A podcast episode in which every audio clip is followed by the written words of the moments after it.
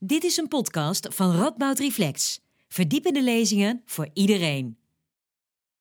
Goedemiddag allemaal en welkom bij dit eerste fysieke actualiteitencollege van Radboud Reflex in, ik denk, ongeveer anderhalf jaar tijd. Dus ik ben blij dat jullie er allemaal uh, zijn. We gaan het uh, vandaag hebben over de stijgende gasprijzen en de vraag of we nou op weg zijn naar een koude winter. Moeten we daar ons zorgen over maken? Um, en waar, komt het nou door? Hè? Waar komen die wat verklaart nou die toenemende gasprijzen? Moeten we ons zorgen maken om de energiearmoede? Uh, wat is de impact ervan bijvoorbeeld op de klimaattransitie? En als dit nou nog een tijdje doorgaat, wat is dan een rechtvaardige oplossing om hiermee om te gaan? Daar gaan we het over hebben vandaag. Um, dat doe ik met uh, Vincent de Gooyert, uh, socioloog en ingenieur bij de faculteit der managementwetenschappen. En met milieufilosoof en politiek filosoof Mark Davidson van de filosofiefaculteit. Dus we gaan met, ik ga met hem in, gesprek. Um, ongeveer de helft van de tijd. En daarna is er veel ruimte voor u, ook om vragen te stellen. Um, maar voordat ik naar mijn gesprekspartners toe ga, eerst even polsen bij jullie. Um, wie heeft er nou zelf al iets gemerkt van die prijsstijging? Gewoon in je huishouden thuis? We kunnen gewoon even met hand opsteken werken als je, als je het gemerkt hebt. Niemand. Iedereen heeft gewoon voor vijf jaar zijn contract vastgezet. Ik heb ook gekeken naar mijn contract. Dat loopt tot 8 november 2022. Oké, dus u, u, u, u, heeft wel naar gekeken, maar het staat nog, het nog even goed. Ja, oké. U heeft nooit het contract veranderd? Oh ja, dat kan natuurlijk ook. Maar dan is het dan niet, dan is het risico dat het variabel is geworden en dat het dan spannend wordt nu. Oké, nou maak ik misschien heel bang. Nou goed. Um, en, en zijn er mensen die um, hun gedrag al hebben aangepast? Dus ik bedoel, het debat loopt nu een week of drie. Tien jaar geleden al. Ja, wat, wat, u heeft geen zorgen meer. U bent nog niet minder lang gaan douchen of iets dergelijks of het huis gaan isoleren. Andere mensen in de zaal? Ja? Verwarming een gaatje lager? Korte douche. Ja, ik, ja, daar betrap ik mezelf ook. Dat heb ik ook maar gedaan. Dus ik mijn telefoon aan en dan luister ik muziek. En als de muziek is afgelopen, dan, dan moet ik er onderuit. Ja, dat helpt. Oké. Okay. Ik ben nog van de tijd dat, er, dat we maar één kachel hadden in de kamer. Oké. Okay. Dus, dus u, uh, als, als die koude winter komt, dat is voor u geen uh, reden tot zorg? Uh... Ik maak me geen zorgen. Oké. Okay. Nee, nee, nee, Mooi. Goed om te weten wat er een beetje speelt in ieder geval. Um, ga ik naar mijn sprekers toe. Um, hoe zit het bij jullie eigenlijk? Uh, maken jullie je zorgen om die prijsstijging? Mark?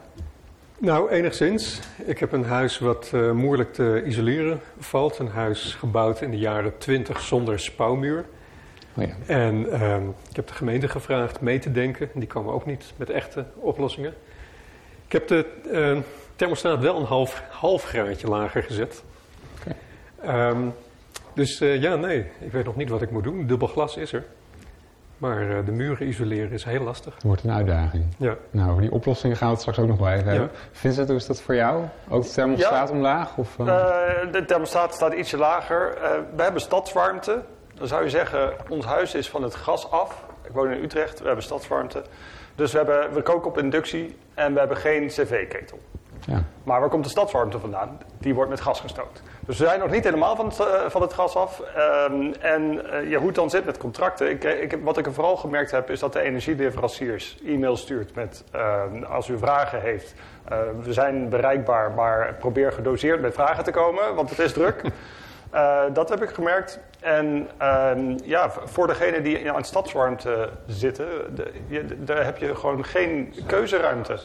Ja, je kan geen ander contract nemen, je kan uh, niets veranderen. En de, ja, het is, uh, en de prijs is gekoppeld aan wat de gasprijs doet, vooralsnog. Totdat er een nieuwe warmtewet komt, hopelijk volgend jaar. Dus dat uh, wordt nog spannend. Oké, okay, ja. hey, Vincent, we hadden hiervoor al even een gesprek hierover. En we kunnen het natuurlijk hebben over die gasprijzen. Maar jij zei van ja, volgens mij moeten we het eerst even hebben over Gas, oké. Okay. Ja. ja, ik, ik, ik, nee, zelfs ik, ik kook daar alleen nog als ik ga kamperen mee, zeg maar. Maar waarvoor gebruiken we dat eigenlijk? Ja, en, en hoeveel gebruiken we het misschien Ja. ook wel? Ja, Ja. In Nederland uh, gebruiken we best wel veel gas. Uh, 40% ongeveer van onze uh, energiebehoeften vervullen we, daarin voorzien we met aardgas. Um, en dat doen we voor verschillende doeleinden. Waar we... waar we het eh, tot nu toe over hadden, dat is eh, eh, de ver- eh, verwarming van eh, huishoudens, van, van huizen. Maar waar we gas ook voor gebruiken is het opwekken van elektriciteit. Weer heel iets anders, dat zijn eh, gascentrales. Dan heb je nog een tussenvorm, warmtekrachtkoppeling, waarbij je eh, gas gebruikt om elektriciteit te produceren en, de restwarmte gebruikt om huishoudens te verwarmen. Dat is het, eh, de stadswarmte waar ik het net over had. Ehm, en we gebruiken gas ook nog, een derde poot, voor eh, industrie. Dus er zijn industriële processen waarbij gas de feedstock is. Dat, wordt, dat is gewoon de input en dat wordt gebruikt om bijvoorbeeld eh, eh, kunstmest te maken. Of het wordt gebruikt in de industrie om hele hoge temperaturen te bereiken die bijvoorbeeld nodig zijn voor het smelten en het produceren van aluminium. Dat zijn verschillende categorieën van bestemmingen waar we gas voor gebruiken. En de gas, de laatste aantal jaren, importeren we vooral bijvoorbeeld uit Noorwegen en Rusland. Ja.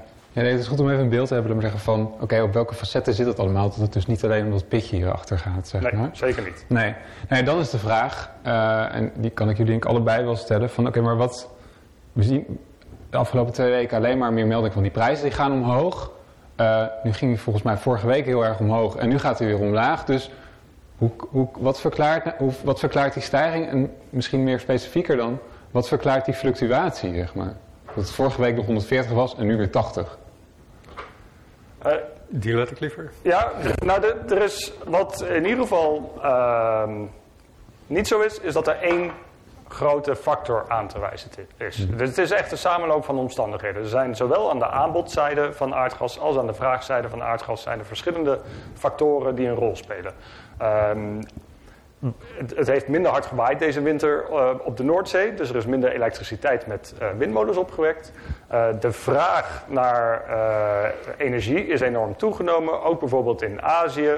Ehm, er zijn ehm, pijpleidingen waar aardgas doorheen gaat die in onderhoud zijn. Ehm, in Nederland zijn we gestopt met het gas. Dus in ieder geval sterk gereduceerd wat we uit, uit Groningen oppompen. Eh, zo zijn er een hele set van, eh, van factoren die meespelen. Ze spelen allemaal een rol. En het is echt die combinatie die die eh, prijs omhoog heeft gedreven. En ja, die prijs kan zo hoog oplopen omdat het, de vraag heel inelastisch is. Dus ja, we kopen toch wel. We- passen ons gedrag misschien een klein beetje aan. Maar we zijn er zo van afhankelijk. Eh, we, we, we blijven toch gas kopen, ook al gaat die prijs omhoog. Dat is ook een, een rol die mee, een factor die meespeelt. Ja, precies. Je moet, je, je moet wel, zeg maar, in die zin. Op de korte termijn. Ja. Ehm Mark, miste jij nog dingen? Dan zeggen we van, oh, Nee hoor, dat eh, beeld klopt. En er is natuurlijk ook nog een gedeelte, het eh, klimaatbeleid wat erin zit. Ook de belastingen erop en de energiebelastingen, die stijgen toch ook. mhm. Maar dat is een eh, geleidelijk proces. Dat is niet iets wat eh, de fluctuaties over de laatste korte periode Nee, want, want jij zei ook net van, eh, het, het waaide minder hard. Dus die windmolens op zee, die wekken dan minder op. Ehm dan kijk ik ook even naar jou. Ik bedoel, dat die, die, die, die, eh, we sturen natuurlijk heel erg op die duurzaamheidstransitie. Meer zon, wind. Ehm, is dat niet dan een hele onzekere factor, laat maar zeggen, die dus nu maakt dat we, in die, eh, dat we met die prijsstijging te maken hebben? Nou ja, dat is de uitdaging voor de energietransitie op de lange termijn. Als we meer over willen stappen op eh, duurzame energie. Dat je dus opslag nodig hebt voor eh, nou, het wegnemen van die fluctuaties. Fluctuaties op de korte termijn, dag, nacht, dat is eh, niet zo moeilijk. Maar eh, de winter overbruggen is een stuk lastiger. En dat inpassen van duurzame energie in onze energiegebruik is niet zo lastig als het percentage nog vrij beperkt is. 10% duurzame energie. Maar we willen naar veel hogere percentages. En dan wordt het lastig. Dan moet je echt methodes voor opslag Ja. eh, hebben. Of overschakelen op de, de waterkracht uit eh, Scandinavische landen. Maar ja, er zijn ook grenzen aan hoeveel daar beschikbaar is.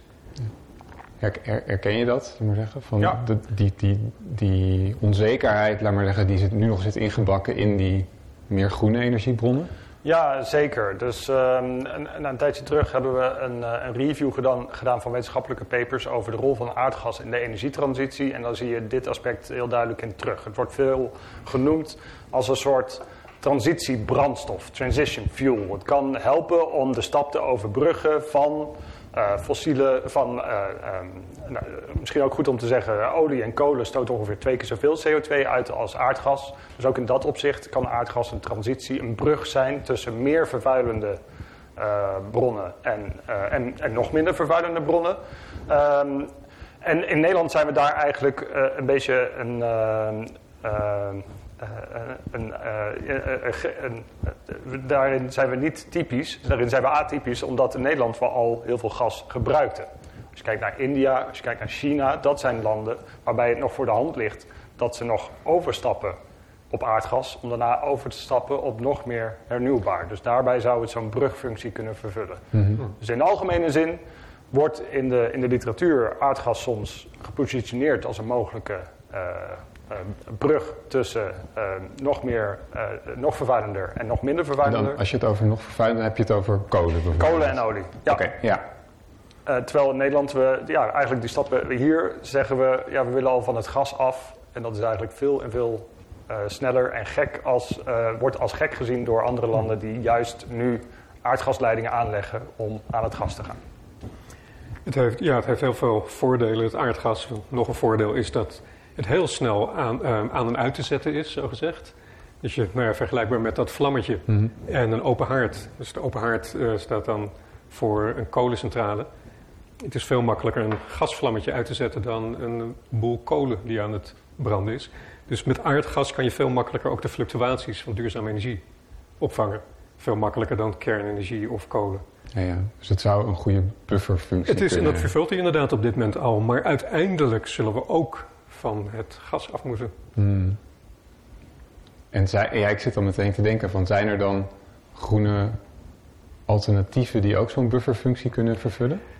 Die, die zijn er. Alleen, eh, ja, ze worden kostbaar. Dus in de, de literatuur duurzame energie is op dit moment eh, goedkoop. Eh, windmolens zijn, windenergie is goedkoop. Maar zoals ik zei, zolang dat percentage van het totaal klein blijft. Want anders moet je eh, die windenergie om gaan zetten in waterstof, bijvoorbeeld. Mhm. de el- elektrolyse. Ehm, dus dat je toch voorraden kan gaan aanleggen. Ja. Maar ja, dan maakt het het meteen een stuk duurder. Ja, precies. Maar het kan wel. Oké, Ja. Dus het, ik, ik, ik- omdat u geen microfoon heeft uh, erhoud hebt, dus een stuwmeer in het markermeer om op die manier 30 eh, meter hoog. 30 meter hoog om op die manier energie op te slaan. Het zal ook zijn nadelen en zijn risico's met zich meebrengen, zo'n eh, stuwmeer dichtbij. Maar inderdaad, precies dat principe gebruiken we met ehm, eh, waterkrachtcentrales eh, in andere landen. Waar als er te veel elektriciteit is, dat wordt gebruikt om het water op een hoger niveau te brengen. Zodat het op een later moment kan worden gebruikt. En ja, de precieze plannen, hoe dat in Nederland zou moeten worden vormgegeven, ken ik niet. Maar dat, eh, ik kan me voorstellen. Over die oplossingen gaan we het zo meteen ook nog even. Ik wil nu even terug naar die gasprijs. Want iedereen, kranten staan er vol mee. Hè? Maar voor wie zijn die prijsstijgingen nou een probleem?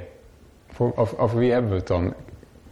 Nou, Nou, ehm, ik- dan kunnen we kijken naar die opsplitsing waar we het eerder over hadden. Dus eh, je kan het gebruiken om elektriciteit op te wekken. Nou, daar zie je dat dat een probleem is. Het, eh, het is ehm, eh, minder snel rendabel om elektriciteit op te wekken met aardgas. En wat zie je dan? Dan verschuift het op de korte termijn naar eh, meer kolenproductie. Want dat is voorhanden. En voordat je ehm, meer hernieuwbare elektriciteitsproductie hebt gerealiseerd... eh, het kan zeven jaar duren voordat je een windmolen hebt gerealiseerd aan, aan plannen en, en procedures. En op de korte termijn is kolen eh, beschikbaar. Dat zie je bij elektriciteitsproductie. Eh, in de industrie zie je dat eh, fabrieken stil worden gelegd. Het is niet meer rendabel om eh, aluminium te produceren met een hoge energieprijs. In de kassen wordt geste- gesteld, nou, ik weet niet of we nog tomaten kunnen kweken. Eh, dat zijn eigenlijk de, de plekken waar je de, eerste effecten ziet. En eh, de huishoudens, om u een klein beetje gerust te stellen, die, dat zal de laatste categorie zijn die iets eh, gaan merken als je het hebt over ehm, leveringszekerheid. Dus eh, bij, bij energie kijken we altijd naar duurzaamheid, betaalbaarheid en leveringszekerheid. Over die leveringszekerheid eh, is denk ik de, de- zijn de, de, de warmtevraag van huishoudens is het best geborgd. Die, de- dat valt als laatste weg. Maar toch is dat... Betaalbaarheid is, Ja, precies. is een ander aspect. Ja, ja want eh, inderdaad, de telers, die zag ik ook terugkomen. Maar je, je, tegelijkertijd inderdaad, oké, dus je krijgt je, je, je krijgt je energie nog wel, maar je betaalt de hoofdprijs, zeg maar. En alles hangt dan af van je concurrentiepositie. Mhm. Als het voor al je concurrenten hetzelfde stijgt, denk ik nog niet dat het het grootste probleem is. Maar de, ehm, de glastuinbouw die concurreert met eh, bedrijven die het gewoon van de zon hebben. Dus die hebben natuurlijk een, heel groot probleem met stijgende gasprijzen. Ja. En, en want het IMF gaf ook eh, een tijdje terug al aan van let op, we zijn nu net die coronacrisis uit. Het- we zien weer een stijgende lijn. Ehm, maar nu knallen die energieprijzen omhoog. Moeten we daar ook voor, moeten we ons daar zorgen over maken? Ja, nou ja, eh, om een open deur in te trappen. eh, we zijn nu te laat om het te voorkomen. Mhm. Dus eh, alle korte termijn oplossingen die, die hebben nadelen. En ja, het is nu op de blaren zitten, linksom of rechtsom. We hadden het kunnen voorkomen. Ehm, dus ja, misschien ehm, wat we, is het wel een wake-up call om het in de toekomst de- een nieuwe crisis als deze wel te voorkomen. Ehm, dus één neveneffect, denk ik, wat het ehm, mee, eh, eh, met zich meeneemt, is dat het energiebewustzijn van de gemiddelde Nederlander wel wat, eh, wat hoger wordt. Ik denk dat dat over het algemeen. Ja, het is zo vanzelfsprekend, zeker in een land als Nederland. Het, het werkt altijd, ehm, eh, of het nou warmte is of elektriciteit. De, de, de, lever, de, de betrouwbaarheid, de leveringszekerheid is zo hoog. Ehm, en het is zo vanzelfsprekend dat eh, we er ons niet altijd even bewust van zijn. Dat het misschien eigenlijk helemaal niet zo vanzelfsprekend is. Mhm. En eh, nou ja, als het dan gaat over oplossingen. En ja, waarom, neem, waarom, waarom doen we dat niet? Waarom hebben we niet? Er, er zijn allerlei oplossingen. Die liggen kant en klaar. Daar kunnen we in investeren. Waarom investeren we daar niet in? Nou, misschien is een van de redenen wel dat we niet voldoende energiebewustzijn hebben. En dan kun je, dan kun je wijzen naar de overheid. Maar ja, die, die nemen ook geen eh, die, beleid aan als daar niet voldoende draagvlak voor is. Dus, eh, en, en waar is dat draagvlak van afhankelijk? Nou, of er voldoende energiebewustzijn is. Dus dat is misschien nu eh, een wake-up call om het in de toekomst wel te voorkomen. Oké. En, en het grote voordeel van die huidige prijscrisis is dat de maatschappij dat ziet als iets externs waar men weinig tegen kan doen. Mhm. Terwijl als dezelfde prijsstijging zou komen door klimaatbeleid, heb je de helft van de bevolking die zegt ja, maar dat is maar een politieke keuze. Die klimaatverandering bestaat helemaal niet. Dus ehm, daar zal men eh, geen bewustzijn door ontwikkelen. Dus ik denk dat deze externe, puur economische marktprikkel nog veel meer energiebewustzijn tot gevolg zou hebben. Dat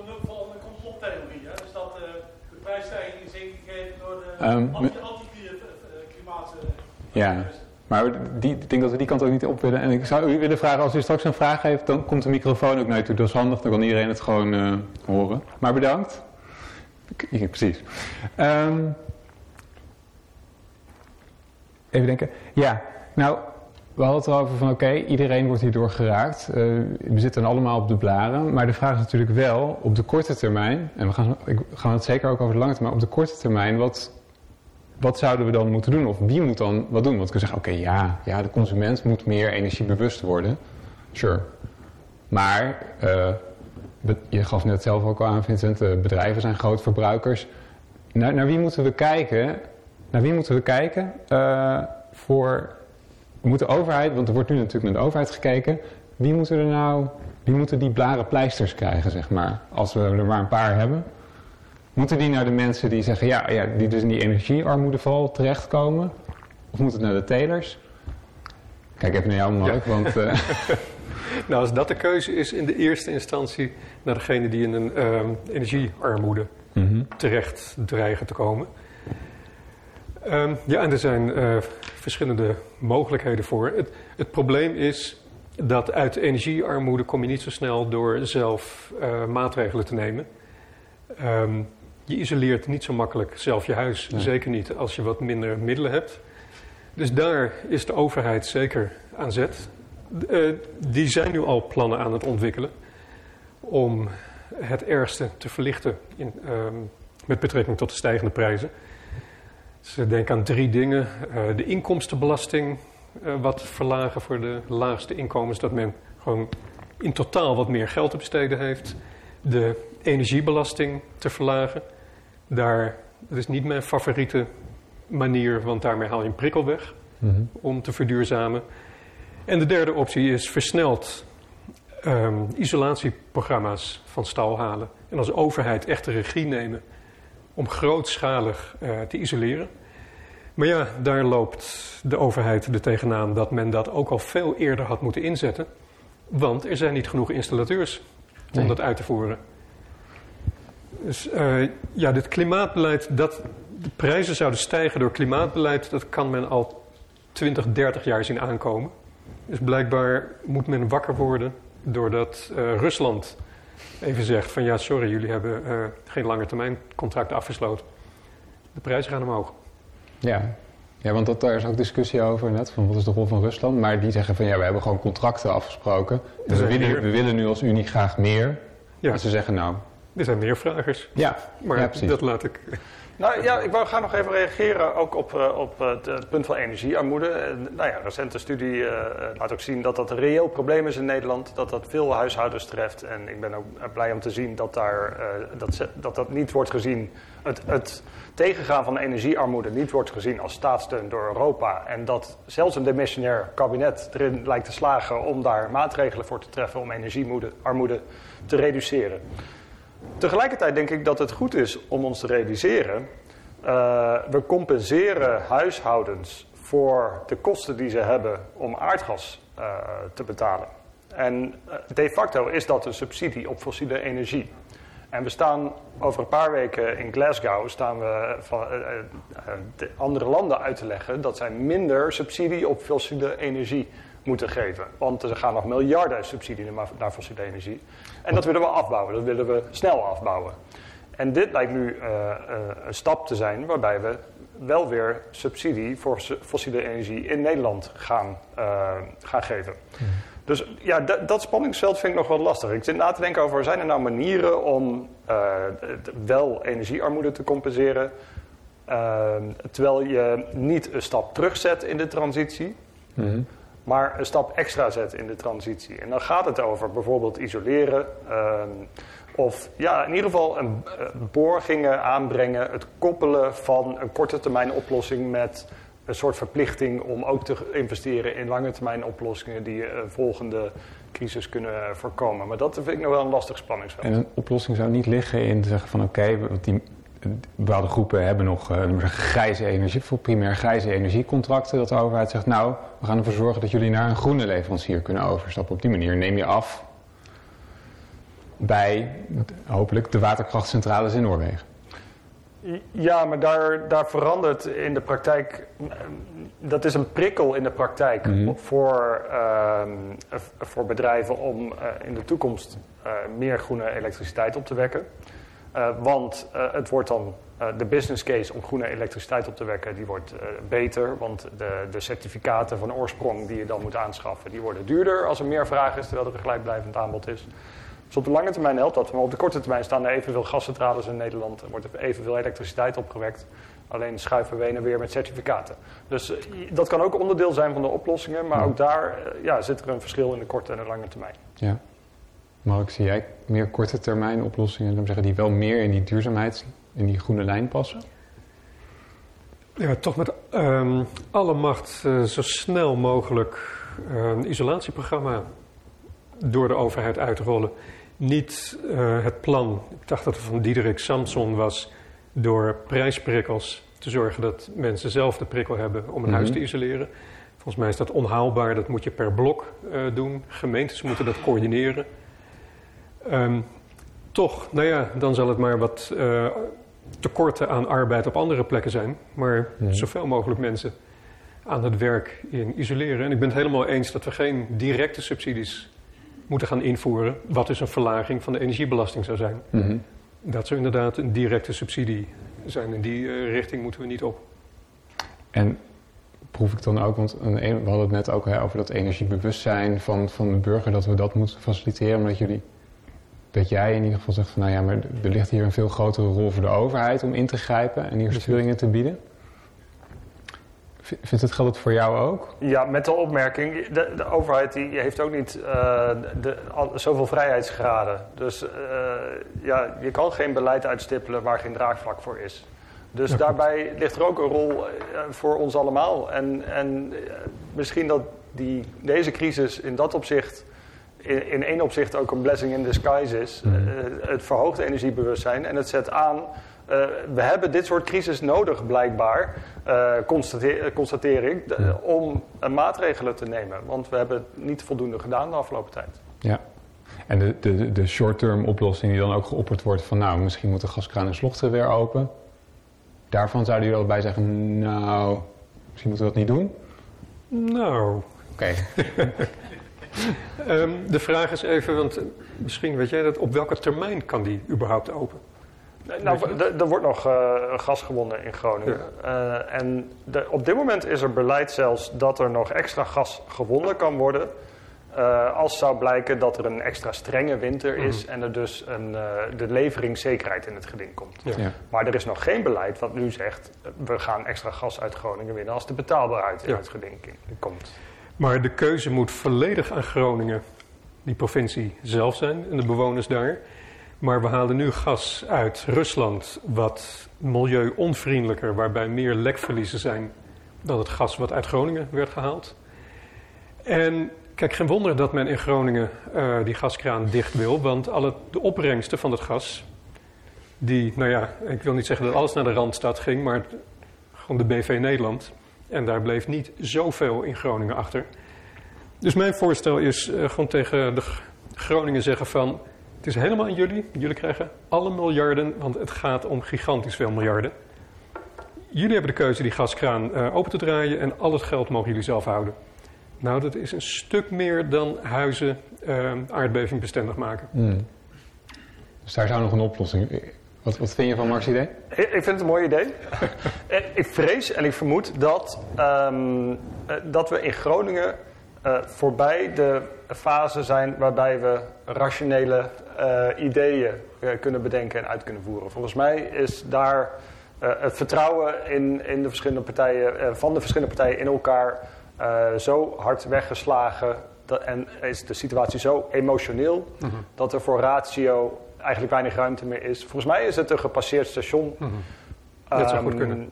Om eh, praktisch nog in Groningen iets te kunnen veranderen.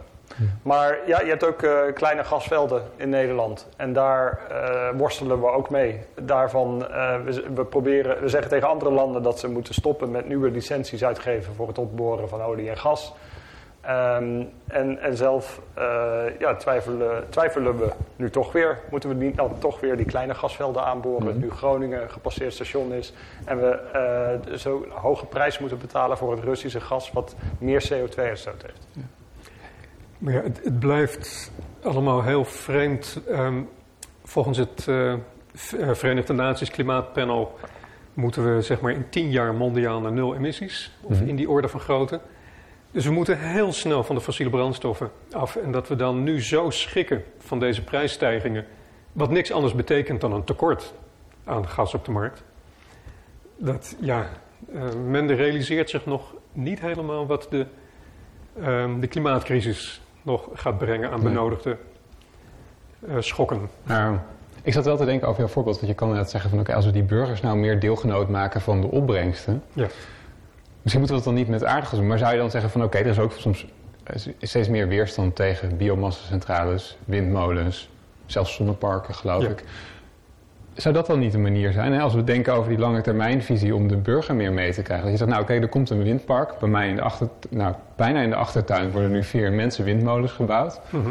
Dus oké, maar dan krijg ik daar ook een deel van de opbrengsten van. Beslist. Zou dat een manier zijn, laat maar zeggen, om, die, om mensen mee te krijgen in die transitie? Nou, het is meer dan een manier om mee te krijgen. Het gaat volgens mij puur om rechtvaardigheid. Mhm.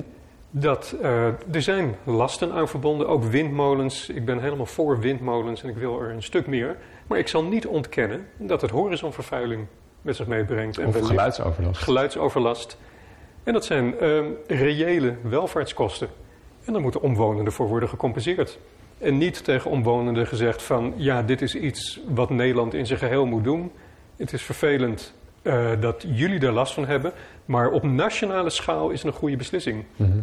Nee, de mensen die er last van hebben moeten ruim gecompenseerd worden. Of beter nog, eh, compenseer zo ruim dat gemeentes ehm, zelfs tegen, tegen elkaar willen opbieden wie ze wil hebben. Ja. Ehm, we gaan het hierbij eh, laten. Ik denk, u- sorry mevrouw, dit, we moeten echt afronden. Ehm, dat spijt mij.